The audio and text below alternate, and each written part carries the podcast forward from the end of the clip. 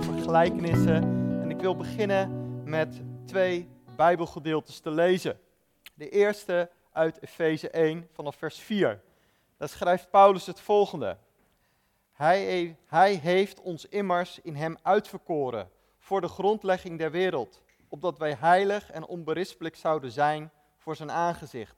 In liefde heeft hij ons te, ertoe, tevoren ertoe bestemd als zonen van hem te worden aangenomen door Jezus Christus, naar het welbehagen van zijn wil, tot lof van de heerlijkheid zijn genade, waarmee hij ons begenadigd heeft in de geliefde. Een andere vertaling zegt als laatste zin, hij heeft ons geliefd gemaakt in de geliefde.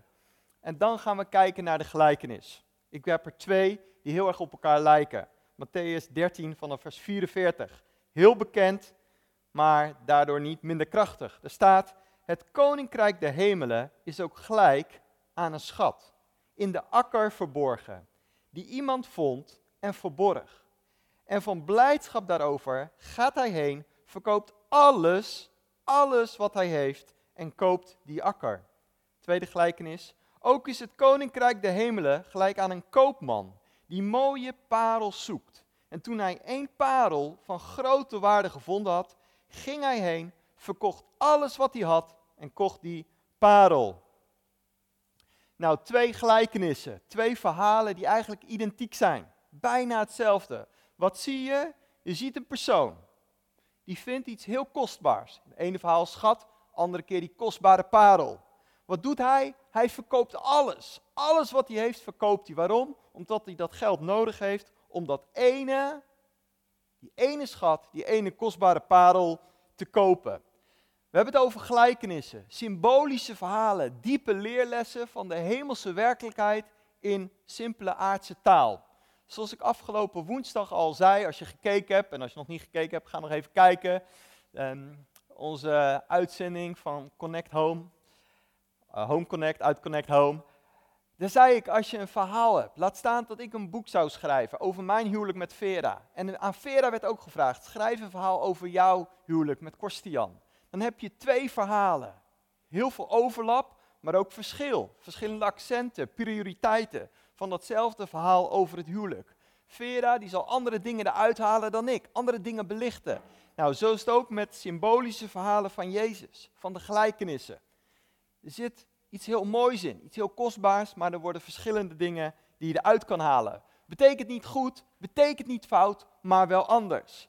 Nou, als we naar deze twee verhalen gaan kijken, deze ja, eigenlijk symbolische verhalen van de werkelijkheid, dan is de grote vraag van wie is nou wie in het verhaal? Nou, er zijn heel veel discussies en gesprekken over, want daar gaat het om. En ik wil vandaag twee invalshoeken uh, gebruiken bij deze twee verhalen van wie is nou wie. De eerste is dat, uh, dat jij de persoon bent die op zoek is geweest, of nog steeds, naar die schat. Dat jij op zoek bent naar die parel. En misschien ben je daar wel mee bezig geweest. Dat je op zoek bent geweest naar een schat. En die schat, dat geeft jou geluk, geeft jou vrede, geeft jou vervulling. Nou, wat we zien om ons heen is dat mensen op allerlei manieren zoeken naar geluk, naar vrede, voldoening en liefde. Je kunt het vinden in psychologie, in geld, in vriendschappen, in carrière. Om voldoening te krijgen. En al die dingen helpen een beetje. Maar uiteindelijk leert de Bijbel iets. De Bijbel zegt iets, namelijk dat je uiteindelijk je geluk, je vrede, je liefde, de bron van waardering mag vinden in God. En dan staat er dat die persoon alles achterliet. Alles moest wijken. Nou, dat doet mij denken aan het verhaal van Paulus. Dat hij zegt, één ding heb ik gevonden en één ding, daar richt ik me op. Jezus kennen. Meer en meer. En heel persoonlijk, is dat jouw verhaal geweest? Of ben je daarmee bezig? Dat je aan het ontdekken bent wie God is. En dat je zegt, de rest kan me gestolen worden. Laat ik achter, want ik wil God kennen. En in mijn voorstellingsvermogen zie ik dat voor me. Misschien zie jij dat nu ook voor je. Je ziet zo'n man, hij heeft die parel.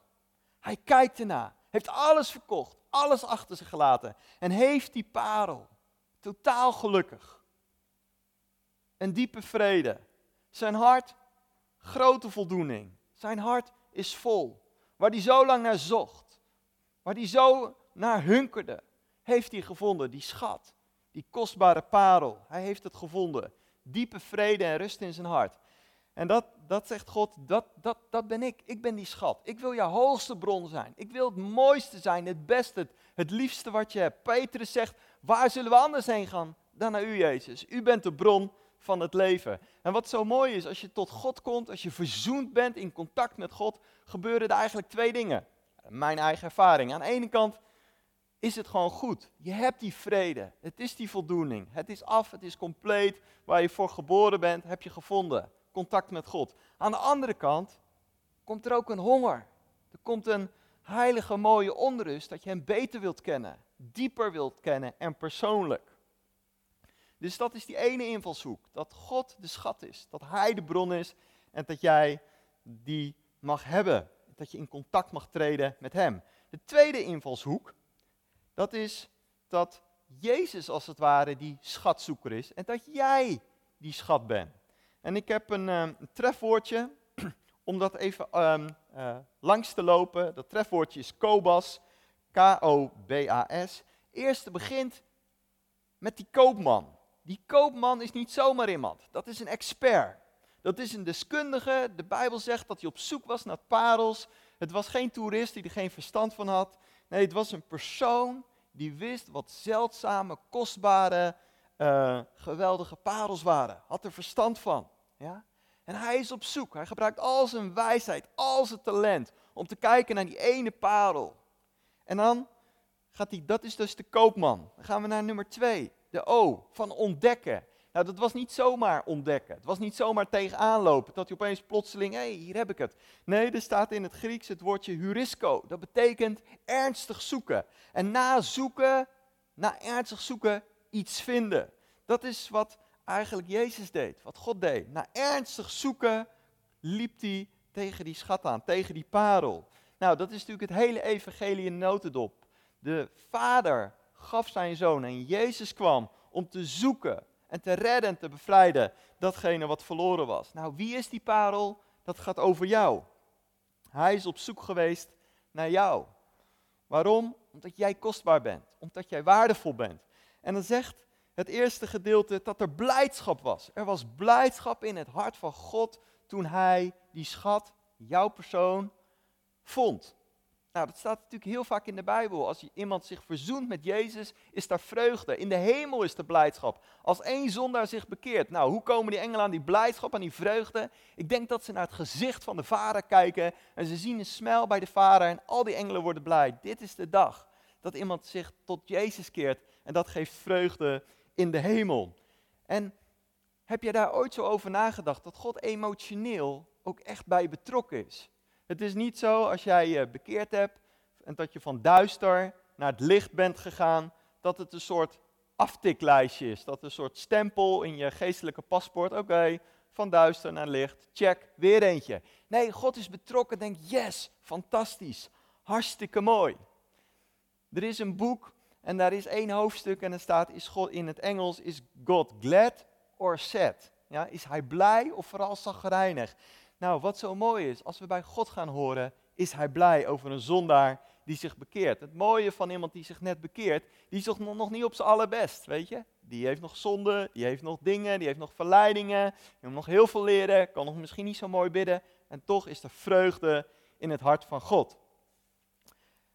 Dan, volgende puntje. De A. Alles in de verkoop. Nou, dat is precies wat Jezus deed, hè. Hij verliet de hemel. Hij werd een mens, geboren in een kribbe, in een, bij, een moeder, bij, een, eh, bij een stal. Waarom? Hij liet alles achter. Hij was rijk, had alles. De glorie, de engelen, de macht. liet alles achter. Waarom? Omdat hij uiteindelijk jou en mij wou kopen. Hij werd verraden. Hij werd gekruisigd. Hij werd verlogend. Zijn beste vrienden lieten hem in de steek. Ondraaglijke pijn. Hij riep, waarom heeft iedereen mij verlaten? Waarom heeft de vader mij verlaten? Hij deed het allemaal, liet alles achter. Al zijn rechten, al zijn uh, dingen die hij had. Waarom? Om zijn schat te kopen. En weet je, als je kijkt naar Jezus als koopman, dan is dat ook een wijze koopman. Als je een ondernemer bent of je wilt worden, dan ga je nadenken als je, als je gaat investeren. Dat je denkt, als ik dit ga investeren, dat gaat me heel veel kosten, maar dan hoop ik dat er dat uitkomt.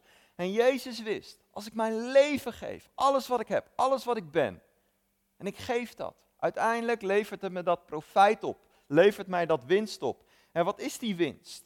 Wat is die winst? Dat jij en ik bij God mogen horen. En dan het vijfde puntje, de S, de schat, of de S van schitterende parel.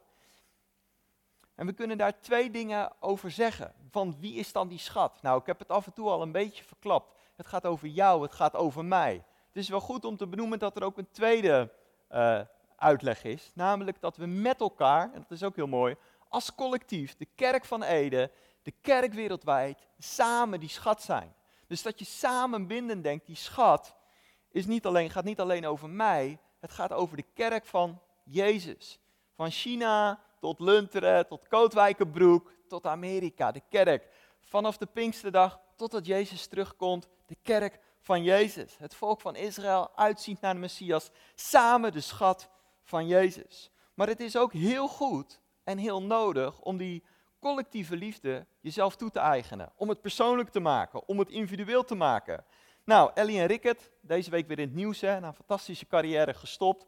Wat een trouw naar elkaar, naar muziek, naar God, fantastisch. Maar Ellie en Rickert, die zongen er volgens mij 300 jaar geleden, voor mijn gevoel, zongen ze er al over. Van, in een vraagvorm van, weet je dat je een parel bent? Weet je dat je van waarde bent? En ik heb het altijd heel raar gevonden van, hé, hey, ze zingen dit voor christenen, eh, volwassenen en kinderen. Maar ze beginnen met een vraagvorm. Weet je dat je een parel bent? Weet je dat je waardevol bent? Nou, um, en dan zegt de, het liedje in het tweede gedeelte, waarschijnlijk ken je hem wel, en anders kunnen de kinderen, de ouders dat wel leren. Van nou ja, ik heb de ranja lopen gooien en ik heb niet altijd geluisterd en soms word ik gepest, kan ik wel van waarde zijn. En dat is het, hè, die boodschap van waardevol. En er komen allemaal dingen in ons denken van, maar kan dat wel? Want ik heb dit gedaan, nou ja, misschien met ranja gegooid of andere dingen waar, waar ik niet zo goed in ben, kan ik waardevol zijn. En uiteindelijk eindigt dat liedje van Ellie en Rickert van ja, ik weet dat ik van waarde ben. Ik weet dat ik een parel ben. Fantastisch. Maar dan is het zo belangrijk dat je dat niet alleen cognitief weet in je verstand, maar ook op emotioneel diep gevoel. Dat die goedkeuring, die waardering, die liefde van God naar jou toestroomt.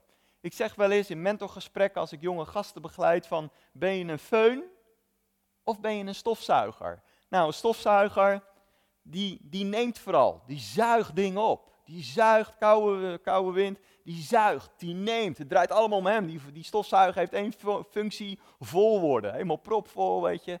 Zuigen. Een föhn blaast warmte uit. Verspreidt warmte, warme lucht. Zodat je haar af en toe netjes eruit ziet. Maar jij bent bedoeld om niet een stofzuiger te zijn, je bent bedoeld om warme lucht te verspreiden, ongeacht de omstandigheden. En of ik een föhn aanzet in de, in de keuken of uh, uh, ergens anders, het maakt niet uit. Er komt warme lucht, ongeacht de omstandigheden uit. Dat is wie die is, waar die voor gemaakt is, voor, voor bedoeld bent. En ik merk, toen ik net tot geloof kwam, was ik vooral een stofzuiger. Ik wou ontvangen. Maar door de liefde van God, door liefde van anderen, door, door relatie met medechristenen, ontwikkel ik me meer tot föhn. Wat ik heel grappig vind, ik was een keertje bij een concert van een aanbiddingsleider en die aanbiddingsleider had op zijn gitaar gezet, I am God's favorite. Ik ben Gods lieveling, ik ben Gods favoriet. Gelukkig zei hij, dat zijn we allemaal. Maar hij had het heel persoonlijk gemaakt en dat vind ik heel mooi. En Jezus is die koopman, op zoek naar die schat. En jij bent die waardevolle schat. Laten we het nog een, stukje verder brengen. Dat, het, dat je het vast mag pakken met, met met je hart van geloof, met je handen van geloof. Je kunt het soms naast je neerleggen. Dan hoor je zo'n boodschap en dan denk je, ja, ik snap dat God van die houdt, of die heeft zo'n mooi karakter, of die is zo vruchtbaar. Het gaat over jou. Jij bent belangrijk. En uh, stel je voor dat jij de enigste persoon was op aarde. Zou die dan nog gekomen zijn? Zou die dan nog jou willen redden en tot herstel en heelheid willen brengen? Heb je zo'n openbaring, zo geraakt, dat je weet van, hij deed het voor mij. En gelukkig zijn er duizenden anderen in Ede. En wereldwijd miljoenen. Maar hij deed het voor jou. Of was je in je eentje? Had hij het dan nog gedaan? Of had hij dan zoiets gezegd? Ja, dat is te weinig. Ja, niet voor die ene. Ja, niet voor Pietje, Jantje, Klaasje. Nou, of had hij dan gezegd: Je bent mij zoveel waard. Je bent zo belangrijk. Mijn hart gaat zo naar je uit. Ik laat alles achter in de hemel. Die engelen, alles. Want ik kies voor jou. Zo belangrijk. En ik, bijna misschien arrogant of zo, maar ik hou ervan om het evangelie te persoonlijk te maken. En ik hoop en ik gun dat jij dat ook mag gaan doen. Dat je zegt van Jezus, al was ik de enigste, dan had u het gedaan. Al was, u, al was ik de enigste waarom u gekruisigd moest worden. En verraden en verlaten. Dan had u het gedaan. Al was ik de enigste persoon waar u voor moest opstaan. Met nieuwe kracht. Met nieuwe heerlijkheid. Dan had u het gedaan. En ik denk van, dat is ook het geheim van eigenwaarde. Dat je merkt, mijn waarde ligt niet in buiten, in andere bronnen. Mijn waarde komt vanuit Hem. Dan ga je van waardeloos naar waardevol. En ik wil gewoon dat je het als het ware voor je ziet. Dat je voor je ziet van, ik ben die parel. Dat Jezus als het ware in zijn doorboorde handen jou heeft. En dat Jezus naar jou kijkt. Al kostte me, het kostte mij alles. Ik moest alles ervoor geven. Maar je bent het waard. Ik heb het gedaan uit liefde. En als het moest, zou ik het zo weer doen. Omdat je belangrijk voor me bent. En die opdracht is dat God zegt van kom dichterbij. God zegt niet kom op anderhalve meter afstand, dat is dichtbij genoeg, want anders gevaar. Nee, God zegt vandaag kom dichterbij. Treed naderbij in contact met mij, zodat je mij leert kennen.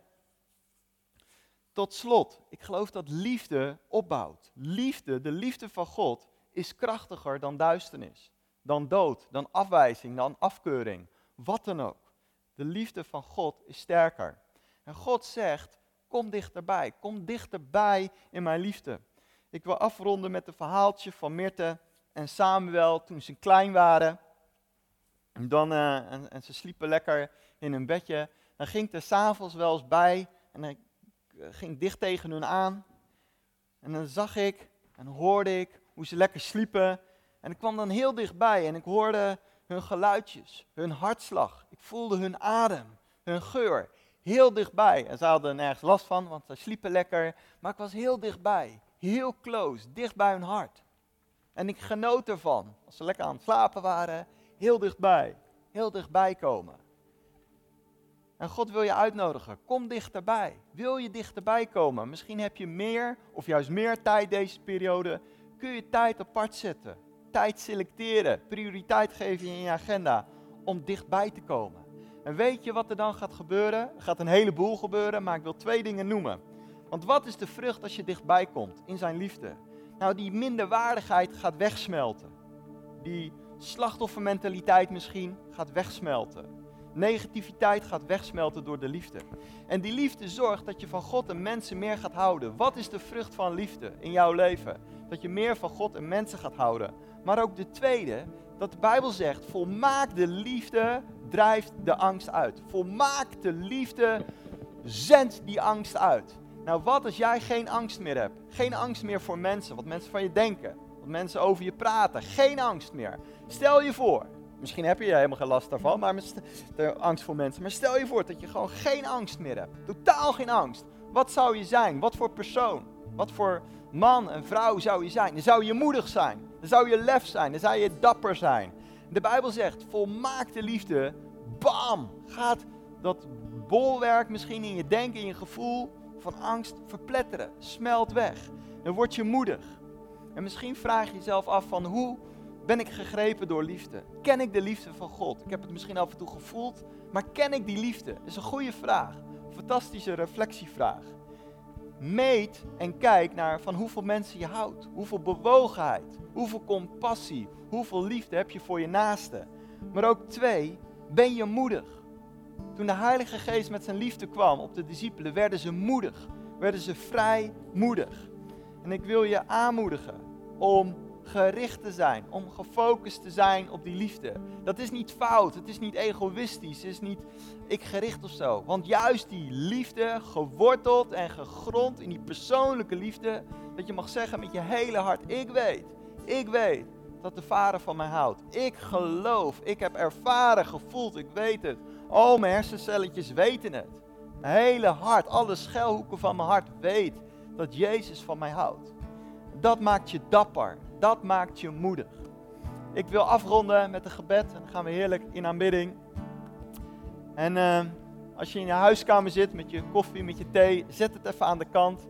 Zet het even neer. En misschien kun je je handen gewoon openen. Openen als je een cadeau ontvangt. Ook de kinderen, tieners, je handen open. En bid met mij mee. Liefdevolle Vader. Ik wil gewoon bidden dat we uw liefde op een dieper niveau mogen ontvangen. Dat elke leugen, dat het niet voor mij persoonlijk is, dat ik genoeg weet, dat ik genoeg ken. Vader, we willen gewoon vrijmoedig bidden. Heer, wil uw liefde dieper kennen. Willen die kostbare parel, liefde van u, die speciale liefde, die bovennatuurlijke liefde. We hebben het nodig. We verlangen erna, zodat er meer vrijheid komt in ons leven. Vader, we hebben het zo nodig om meer doordrongen te zijn, meer bewust te zijn van die geweldige liefde. Vader, we bidden vanuit, uh, hier vanuit de Mauritskazerne, maar ook thuis bidden we, Vader, laat onze gemeente zijn waarin we groeien in liefde. De volmaakte liefde van u, Papa God, die elke angst verplettert, die elke angst vernietigt, die elke angst neerhaalt, elk bolwerk kapot sloopt. Vader, dank u wel voor uw liefde en ik geloof dat je nu thuis misschien het zelfs voelt, misschien zelfs ervaart voor het eerst. Vader, we bidden dat we het ook mogen voelen, uw liefde. Het is niet alleen cognitief, daar begint het vaak mee, maar ook emotioneel in ons hart. We zijn zo waardevol voor u. We zijn zo belangrijk voor u. We zijn zo kostbaar voor u. Zo speciaal. Jij bent speciaal voor God. En ik bid en ik zegen je dat je deze dag daar meer dan ooit, meer dan ooit, doordrongen van mag zijn. Meer bewust dan ooit dat God van je houdt. Ook al zijn de omstandigheden lastig, al zijn de omstandigheden moeilijk, al lijken ze tegendraads te zijn, er is een boodschap van liefde. Van die kostbare heilige liefde. Hij heeft je uitgekozen voor de grondlegging der wereld. Om met Hem te zijn, om van Hem te zijn en te genieten van Zijn liefde. Vader, zo zegenen we elkaar met uw geweldige liefde, Heer. Uw geweldige, bevrijdende liefde, die ons moedig maakt, die ons dapper maakt, die tot ons spreekt woorden van positiviteit, woorden van genezing en heelheid. Ontvang zijn heelheid, ontvang zijn bevrijdende liefde. In Jezus' naam. Amen.